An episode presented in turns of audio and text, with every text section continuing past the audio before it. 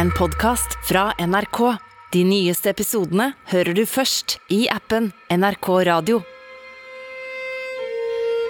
Det er ikke bare i vestlige monarkier at det blir bråk rundt valg av hvem man skal gifte seg med.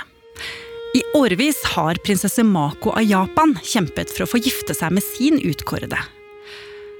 For helt siden forlovelsen ble annonsert i 2017, har forloveden blitt mistenkeliggjort av pressen for å ha gjort ting mange japanere mener ikke hører hjemme i en keiserfamilie.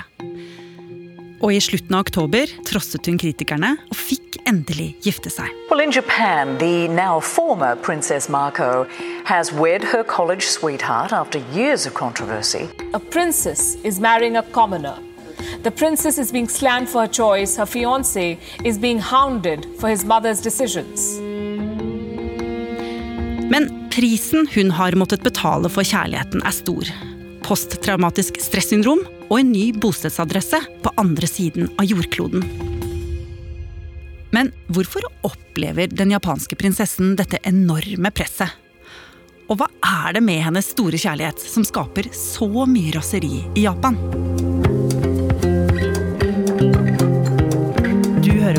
Oppdatert. Jeg heter Ragna Nordenborg.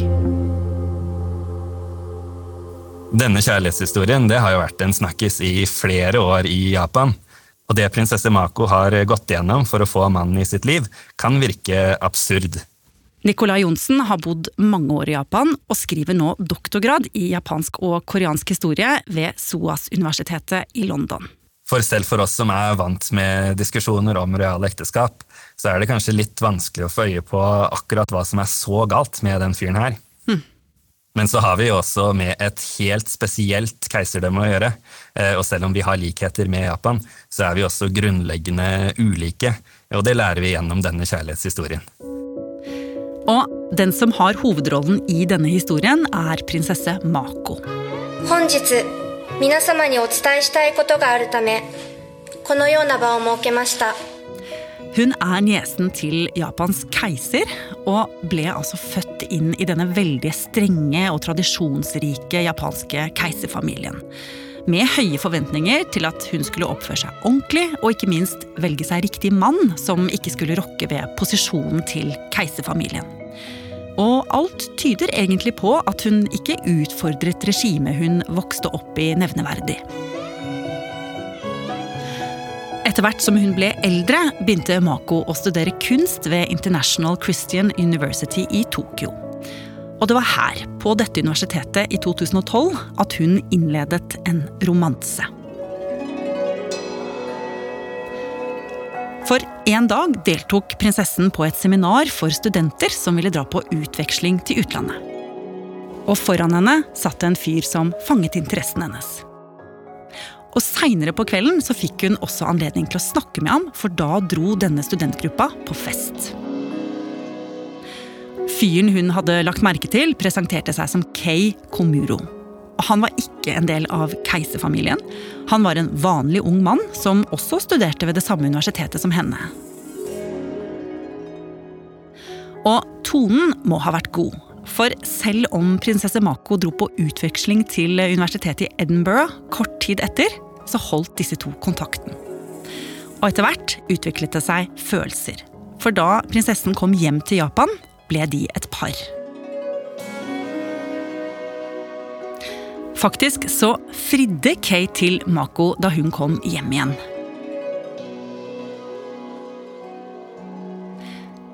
Men Nikolai, det Mako visste, var jo at hun måtte ofre noe hvis hun ville ha Kay. For reglene i keiserfamilien de er veldig strenge. Ja, for hvis hun skulle si ja, eh, og det skulle bli Kay for henne, så måtte hun si fra seg den kongelige tittelen sin. Det er reglene i keiserfamilien. Alle de kvinnelige medlemmene av keiserfamilien de må det hvis de gifter seg med mannen i gata. I tillegg så må de flytte fra palasset. Ja, Og hvorfor er det sånn? Tradisjoner er jo veldig viktig i Japan, eh, og dette er verdens eldste monarki. Faktisk så går historien om den japanske keiserfamilien tilbake over 2500 år, og har jo da også mytiske overtoner. Eh, Den første keiseren i Japan eh, var sønnen til gudinnen som lagde landet. Eh, og i dag, selv om keiserfamilien har mistet sin guddommelige status, så er de fortsatt både representanter eh, og symbol for Japan og den japanske befolkningen. De er på en måte forbilder for hvem man ideelt skal være som japaner. Og Tradisjonelt sett så flytter jo japanske kvinner ut fra barndomshjemmet når de gifter seg, eh, aldri omvendt. Og når en kvinne i keiserfamilien ikke ønsker å være kongelig lenger, så må hun også gjøre det. Og det er noe som har skjedd med mange andre kvinner i den japanske keiserfamilien, også i nyere historie.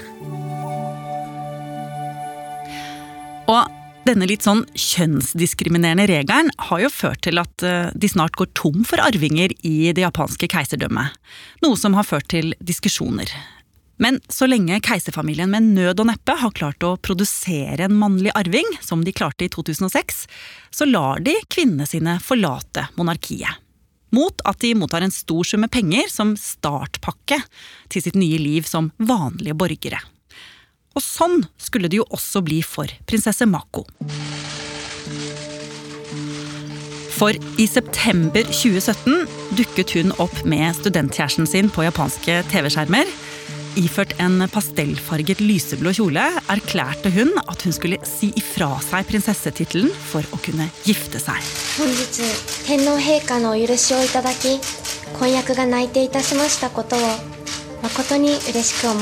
本 Vi kan se hvordan de sitter tett sammen bak et lite bord. Og foran et japansk pressekorps så kunne altså Mako fortelle at de hadde fått tillatelse av keiseren. Nå var de forlovet. 性格を深く知るうちに真面目でご自分の強い考えと意志をご自分の考えと強い意志を持ちながらし努力されるお姿 og det japanske folket virket eh, generelt positive til dette forholdet. Men Nikolai, det Mako og Kei ikke visste, var at denne forlovelsen skulle bli starten på et mareritt. Ja, for bare et par måneder etter så smalt det i media. Japanske medier hadde gravd fram en historie om Keis mor, eh, som sa at hun hadde lånt penger av sin eksforlovede for å betale Keis sine skolepenger. Den eksforloveden han hadde betalt skolepengene til Kay fordi han hadde planlagt å gifte seg med moren hans, men når forlovelsen ble brutt, så mente han at dette var et lån, mens moren mente det var en gave. Det var ikke så stort beløp, det var rundt 300 000 kroner, men i og med at dette problemet ikke blei løst, så reagerte folk veldig sterkt på det her. De mente at eh, Kay kanskje hadde økonomiske problemer, og at han var ute etter pengene til eh, Mako. Og det var flere som sa rett ut at de mente at han var rett og slett en svindler som hadde lykkes i å lure Mako til å forelske seg i han, så han kunne utnytte henne og hennes penger. Men ikke nok med det. Etter en stund så kom det ut bilder av Kay i pressen. Disse var tatt like før han møtte prinsessen, og på bildene så kunne man se Kay på en nattklubb i Tokyo med armene rundt en tilfeldig jente. Og Det er tydelig at han er kledd for fest, han eh, står der i halvlangt hår og har en stor ring. Og så må jeg si at han framstår litt som en playboy. Og dette skapte veldig store overskrifter. Hva var det de reagerte på? Jo, det er ikke så vanlig at japanske universitetsstudenter på prestisjefylte skoler fester på nattklubb.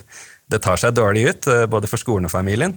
Fordi i Japan så må unge respektere familien sin, som betaler de skolepengene. Og da skal man ikke sløse bort eh, studietiden på å feste. Mm. I tillegg til det, på det bildet av Kay, så stikker han tunga ut eh, gjennom et fredstegn som han lager. Eh, mange syntes dette var helt grusomt, og de mente det var helt utenkelig at en sånn person skulle gifte seg med noen i keiserfamilien. Så nå hagla jo kritikken mot dette paret i japanske medier. Og mange ble veldig kritiske til forholdet. Og til slutt så utsatte paret bryllupet på ubestemt tid.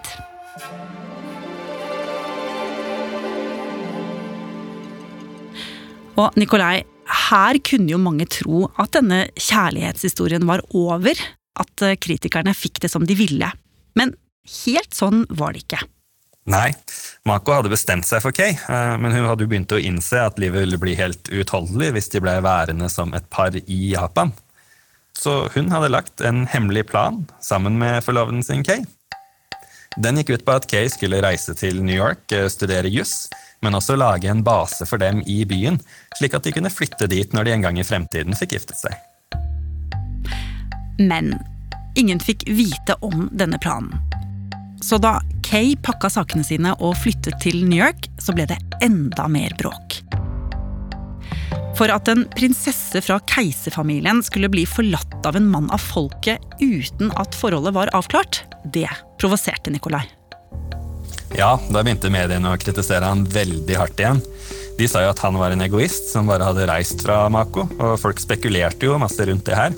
Skulle de gifte seg, eller skulle de ikke? Eh, mange mente at den japanske befolkningen fortjente å vite konkrete bryllupsplaner, og det ble sett på som direkte respektløst. Og alt dette snakket og den harde håndteringen fra media gjorde at Mako til slutt utviklet PTSD, altså posttraumatisk stressyndrom. Det er ganske alvorlige greier.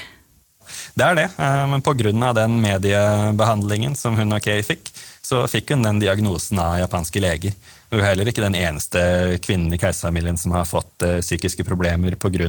mediekritikk og høye forventninger fra den japanske befolkningen kona til den nåværende keiseren.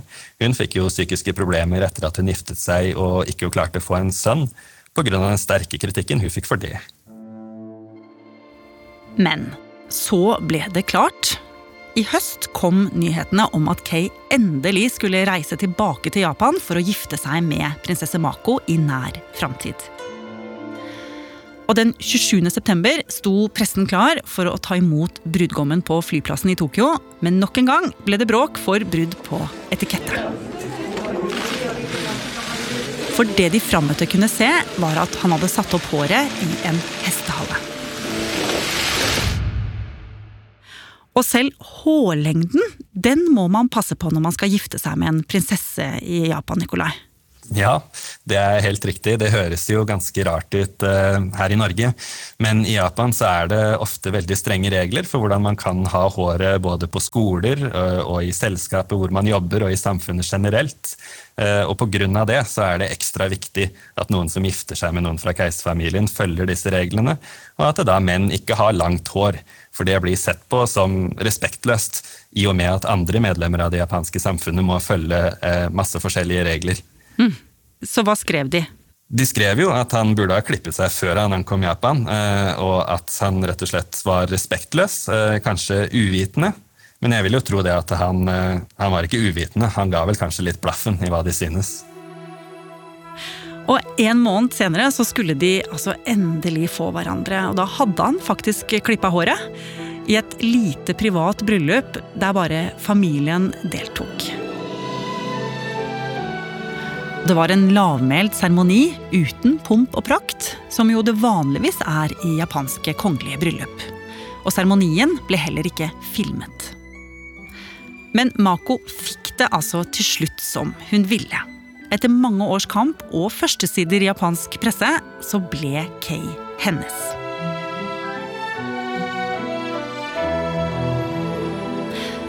Og at disse to kanskje er litt atypiske mennesker i Japan som er villige til å bryte med strenge tradisjoner, det viste de jo også da de seinere på dagen inviterte til pressekonferanse på et hotell i Tokyo. Og der kan vi jo høre hvordan Mako først begynte med å si unnskyld til alle de som hadde hatt problemer med forholdet deres. 私と K さんの結婚について 様々な考え方があることは承知しております。Men så sa hun noe som fikk folk til å spisse ørene.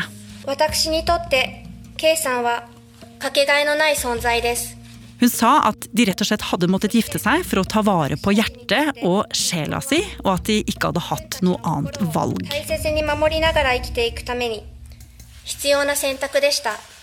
Og da Kay tok over ordet, så sa han 'jeg elsker Mako'. Man lever bare én gang, og derfor må man være sammen med den man elsker.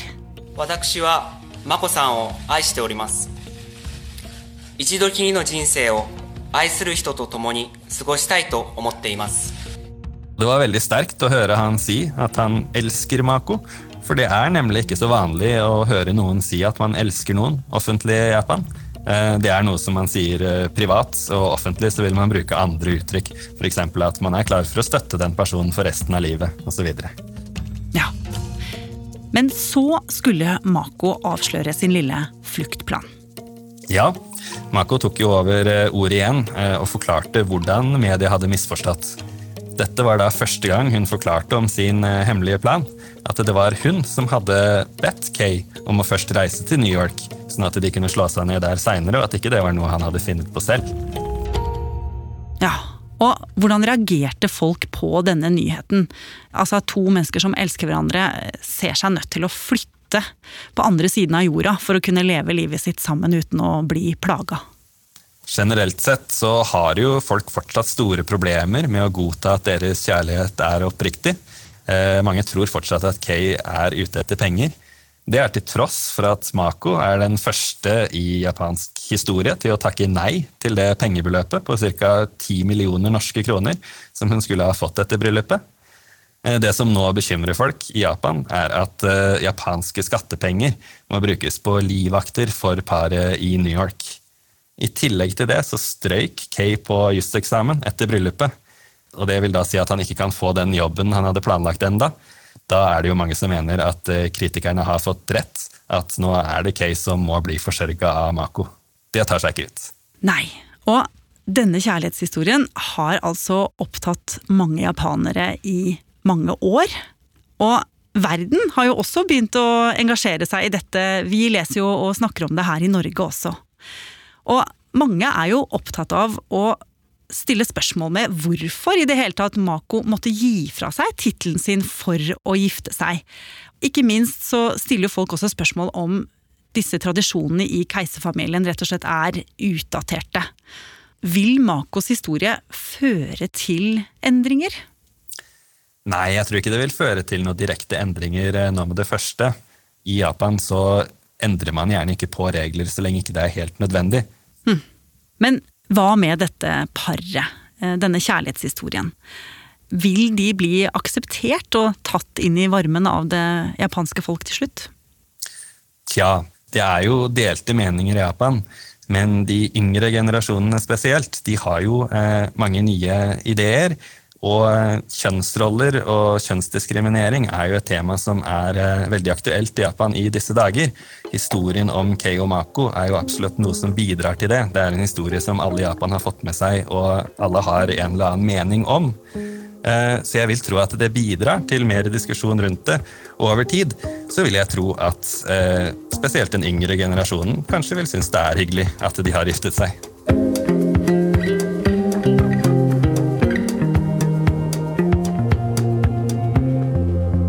Har du lyst til å bli fast lytter av oss i Oppdatert og få påminnelse om nye episoder, er det bare å følge oss i NRK radioappen. Og så er det veldig hyggelig hvis du vil anbefale oss til en venn. Oppdatert er en podkast fra NRK Nyheter. Og denne episoden er laget av Mariann Strand, Pål Gauslå Sivertsen, Andreas Berge og meg, Ragna Nordenborg. Programredaktør er Knut Magnus Berge. Vil du kontakte oss, gjør gjerne det på oppdatert krøllalfa nrk.no. Du har hørt en podkast fra NRK. De nyeste episodene og alle radiokanalene hører du i appen NRK Radio.